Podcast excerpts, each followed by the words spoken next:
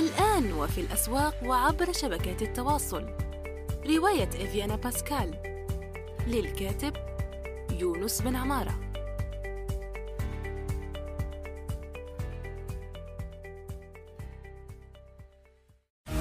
يونس توك خلاصة قراءات وتجارب في ميدان الترجمة والكتابة وصناعة المحتوى. تأتيكم أسبوعيا في قالب مميز وشيق يقدمها الكاتب والمترجم يونس بن عمارة. إن خير من استكتبت قلم قوي وفكر رصين. استكتب. منصة صناعة المحتوى النصي في العالم العربي.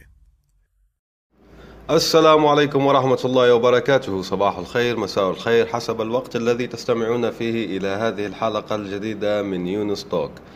وفي هذه الحلقة سوف نجيب عن سؤال وصلني عبر حاسوب. أولا أرجو أن تكونوا بصحة وعافية و يعني في أفضل حال ونعم بال كما أقول. أه وتكونوا جيدين وأموركم ماشية تمام الحمد لله. أه نذهب إلى نص السؤال الذي يقول سؤال يطرأ في ذهني هو الأخ مجتبى أولا هو طارح أه السؤال وهو عضو نشيط من أعضاء موقع حاسوب آي أو الذي أنصح بتصفحه والمشاركة فيه.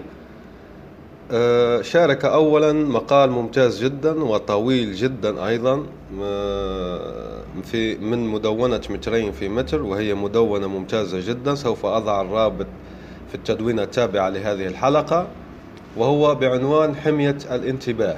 أربع خطوات عملية لاستعادة تركيزك أه كتبه مارك مانسون الذي هو كاتب إنجليزي أمريكي يعني معروف ولديه عديد من الكتب ترجمت منها كتابين عبر دار التنوير بترجمة الحارث نبهان.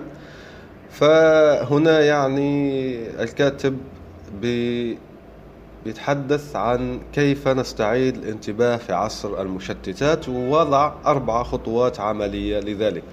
فهو بيسمي هذه الخطوات حمية الانتباه يعني. المقال ممتاز جدا لكن هنا نأتي للكن الكبيرة يعني. لكن أن في العادة هناك عفوا الكثير من الكتاب الإنجليز والغربيين ما تصلح يعني أمورهم في العالم العربي. هو أكيد عدة نصائح يعني من اللي يتحدث عنها تصلح في العالم العربي. لكن الكاتب مهما كان ينطلق من البيئة التي يعيش فيها وهو لا يعرف عادة الظروف التي نعيش فيها أو, يعني الشيء الذي ننطلق منه من هنا.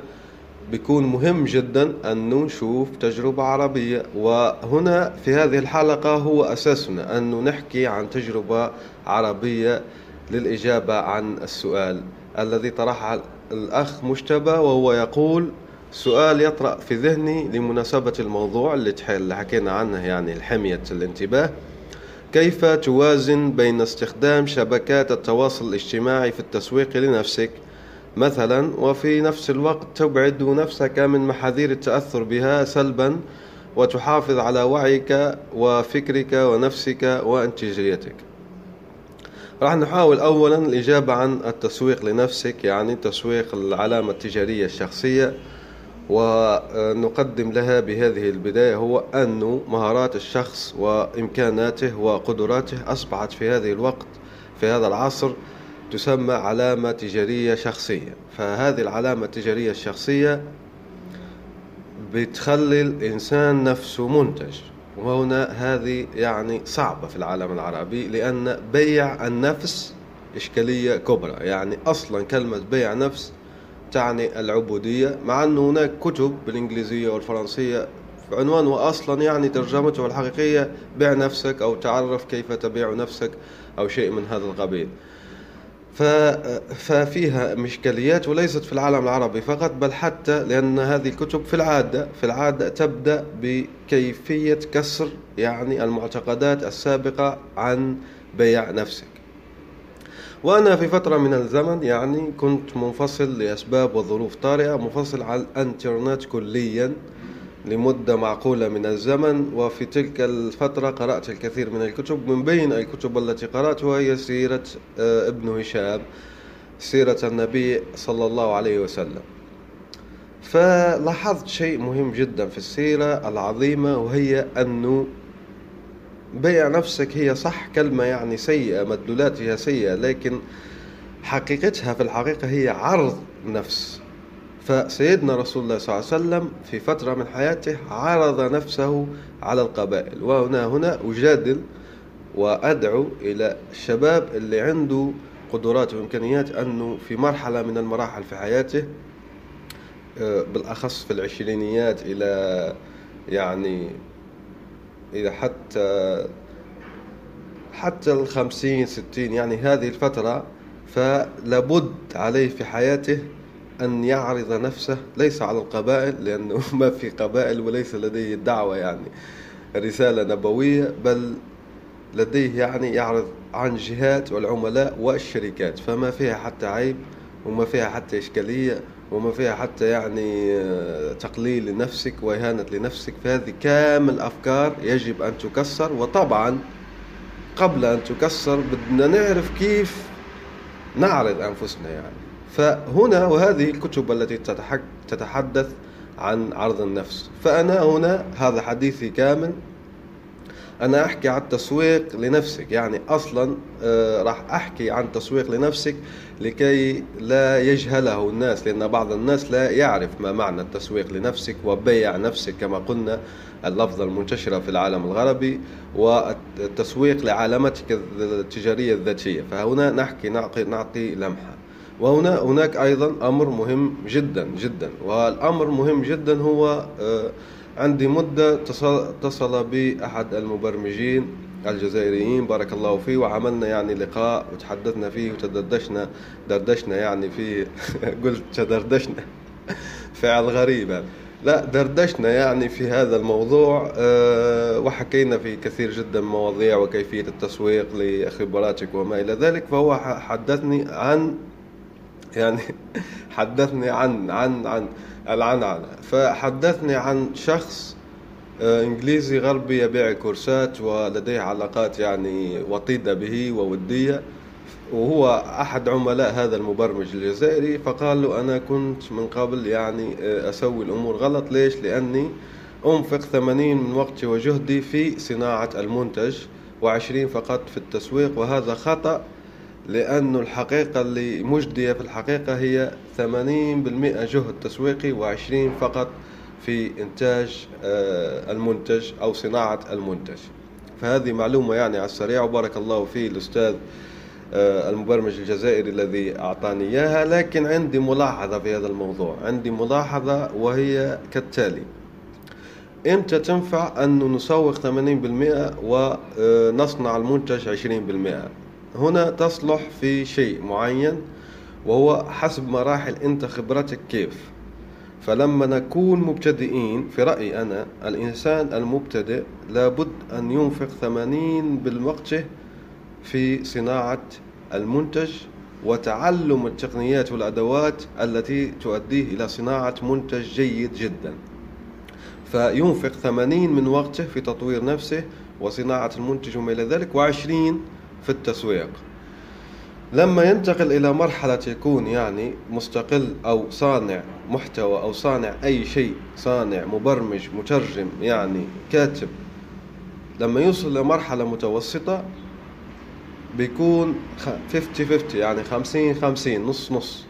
فيكون صناعة وتطوير الذات 50% وتسويق 50% ولما يكون محترف ينتقل إلى مستوى الاحتراف في نظري تصلح آه، نصيحة ذلك الإنجليزي الذي يصنع الكورسات وهو إنفاق 80% من الجهد والوقت في التسويق و20 فقط في صناعة المنتج. فهذه مقدمة إجمالية يعني دردشة إجمالية عن كلمة التسويق لنفسك التسويق الذاتي.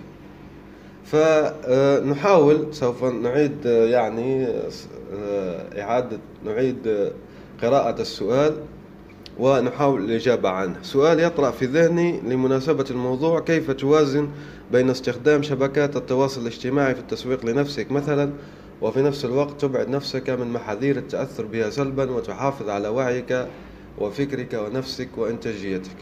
فهنا زي ما قلت يعني فإذا الشخص حسب تقييمه الذاتي لنفسه وهنا يمكن يعني آه، بنحكي عنها في موضوع آخر حلقة أخرى هو كيف بتحدد موضعك من معلم إحداثيات مجالك. يعني أنت عندك محتوى إكس, إكس واي إكس إغريك بالفرنسية نقولها فهذا المعلم الإحداثيات سين وعين أنت أين موضعك؟ يعني وين إحداثياتك في مجالك؟ راح نحكي عنها إن شاء الله تعالى في حلقة أخرى كيف تحدد.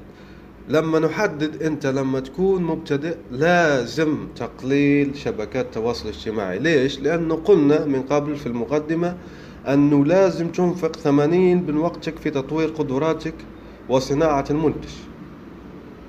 يعني ثمانين من وقتك فيبقى لديك عشرين فهنا يجب أن تكون صارم مع نفسك وكل شيء. فهنا يصلح المقال الذي شاركه الأخ مجتبى في خطوات أربعة. كيف بتعمل الحمية؟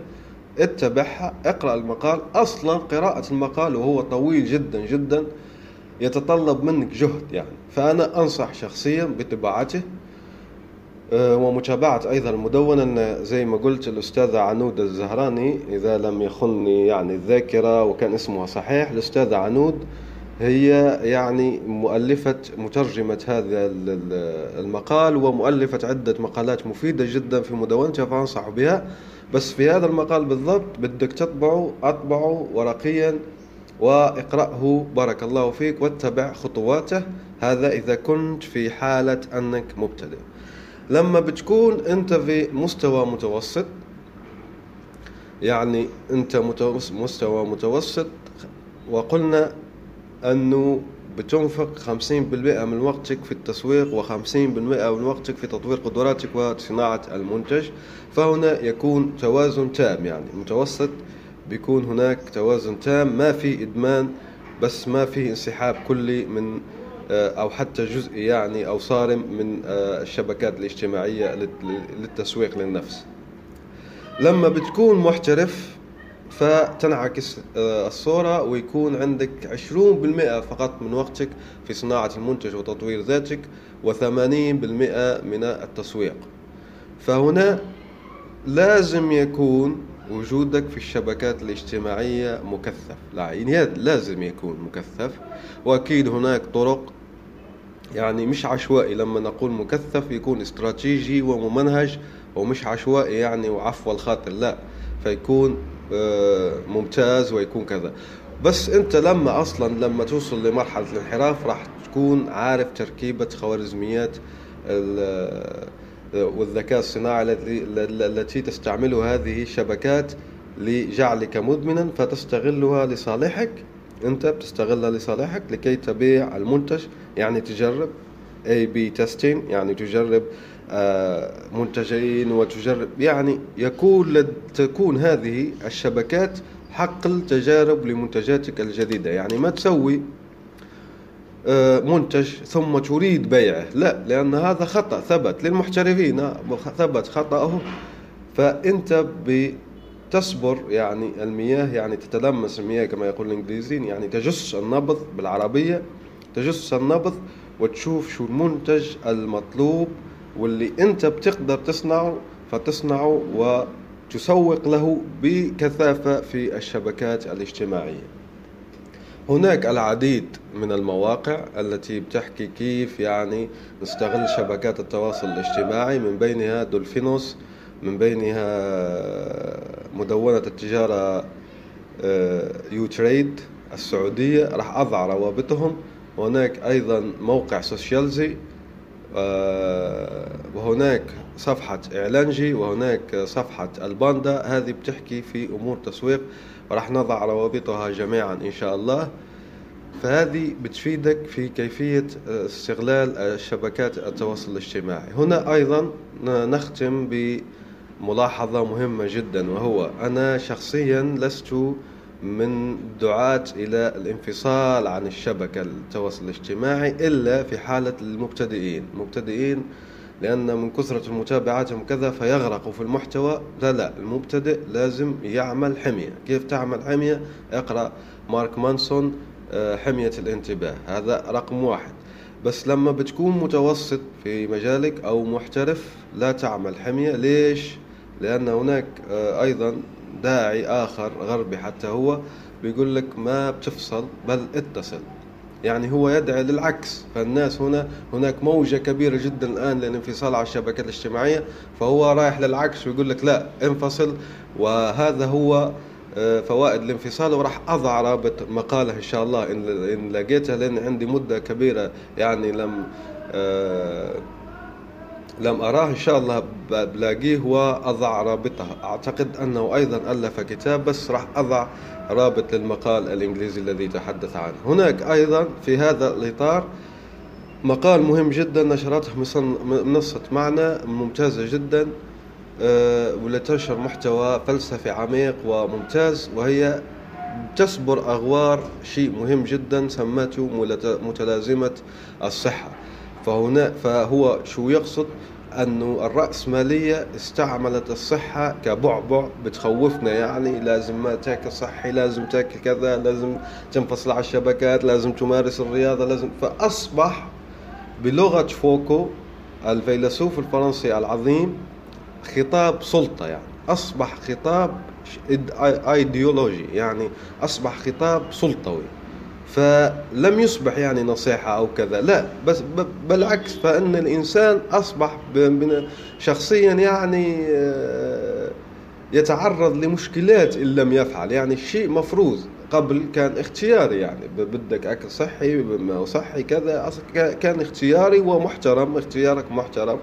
لكن الآن أصبح شبه فريضة اجتماعية ونمط جعل يعني دخل تحت التنميط وأصبح خطاب سلطوي. شو معنى خطاب سلطوي؟ أنه خطاب دكتاتوري بيفرض عليك وإذا لم تفعل راح تحدث لك مقاطعة اجتماعية سواء كانت خفيفة أو غير خفيفة. هذا يذكرني مقال قرأته قديما يعني نسيت آه، بالضبط مصدره. بيحكي عن دراسة عملت على السمان يعني الناس الناس البدناء والأذى النفسي الذي يتعرضون إليه من قبل الأطباء. فدرسوا هما الأطباء ووجدوا أن الأطباء يمارسون ضغط نفسي ويتأففون ويعاملونهم بامتعاض بالضبط هذه الفئة تبع البدناء. مع الناس الآخرين ما شاء الله بس مع البدناء بالضبط. فيمارسوا زي ما نقول عنصرية وتأفف وقلق وبغض يعني وكره و وخطاب كراهية بعض الأحيان فهذه الدراسة بتحكي عليه هذا شو أعني به بخطاب آه، السلطوية. فزي ما قلت يعني في آه، المقطع الأول تحدثنا عن آه، كيف كيف يعني نسوق بين أنفسنا وفي نفس الوقت نتخلص من المحاذير لكن بمعيار يعني معيار أنه لازمتنا نحدد أنفسنا فين في معلم إحداثيات مجالنا. وهذا بإذن الله سيكون موضوع من مواضيع الحلقات القادمة من يونس توك. أرجو أن أكون قد أفدتكم آه، مجتمع حاسوب الأخ مجتبى بارك الله فيكم. جميع المستمعين يومكم طيب وإلى اللقاء. السلام عليكم.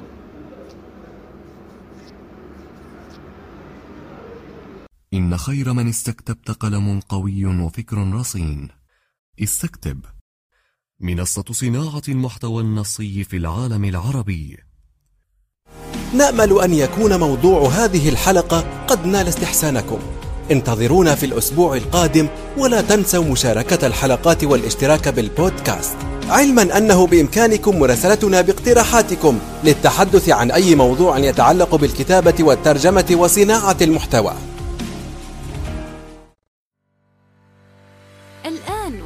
الأسواق وعبر شبكات التواصل. رواية إفيانا باسكال. للكاتب يونس بن عمارة.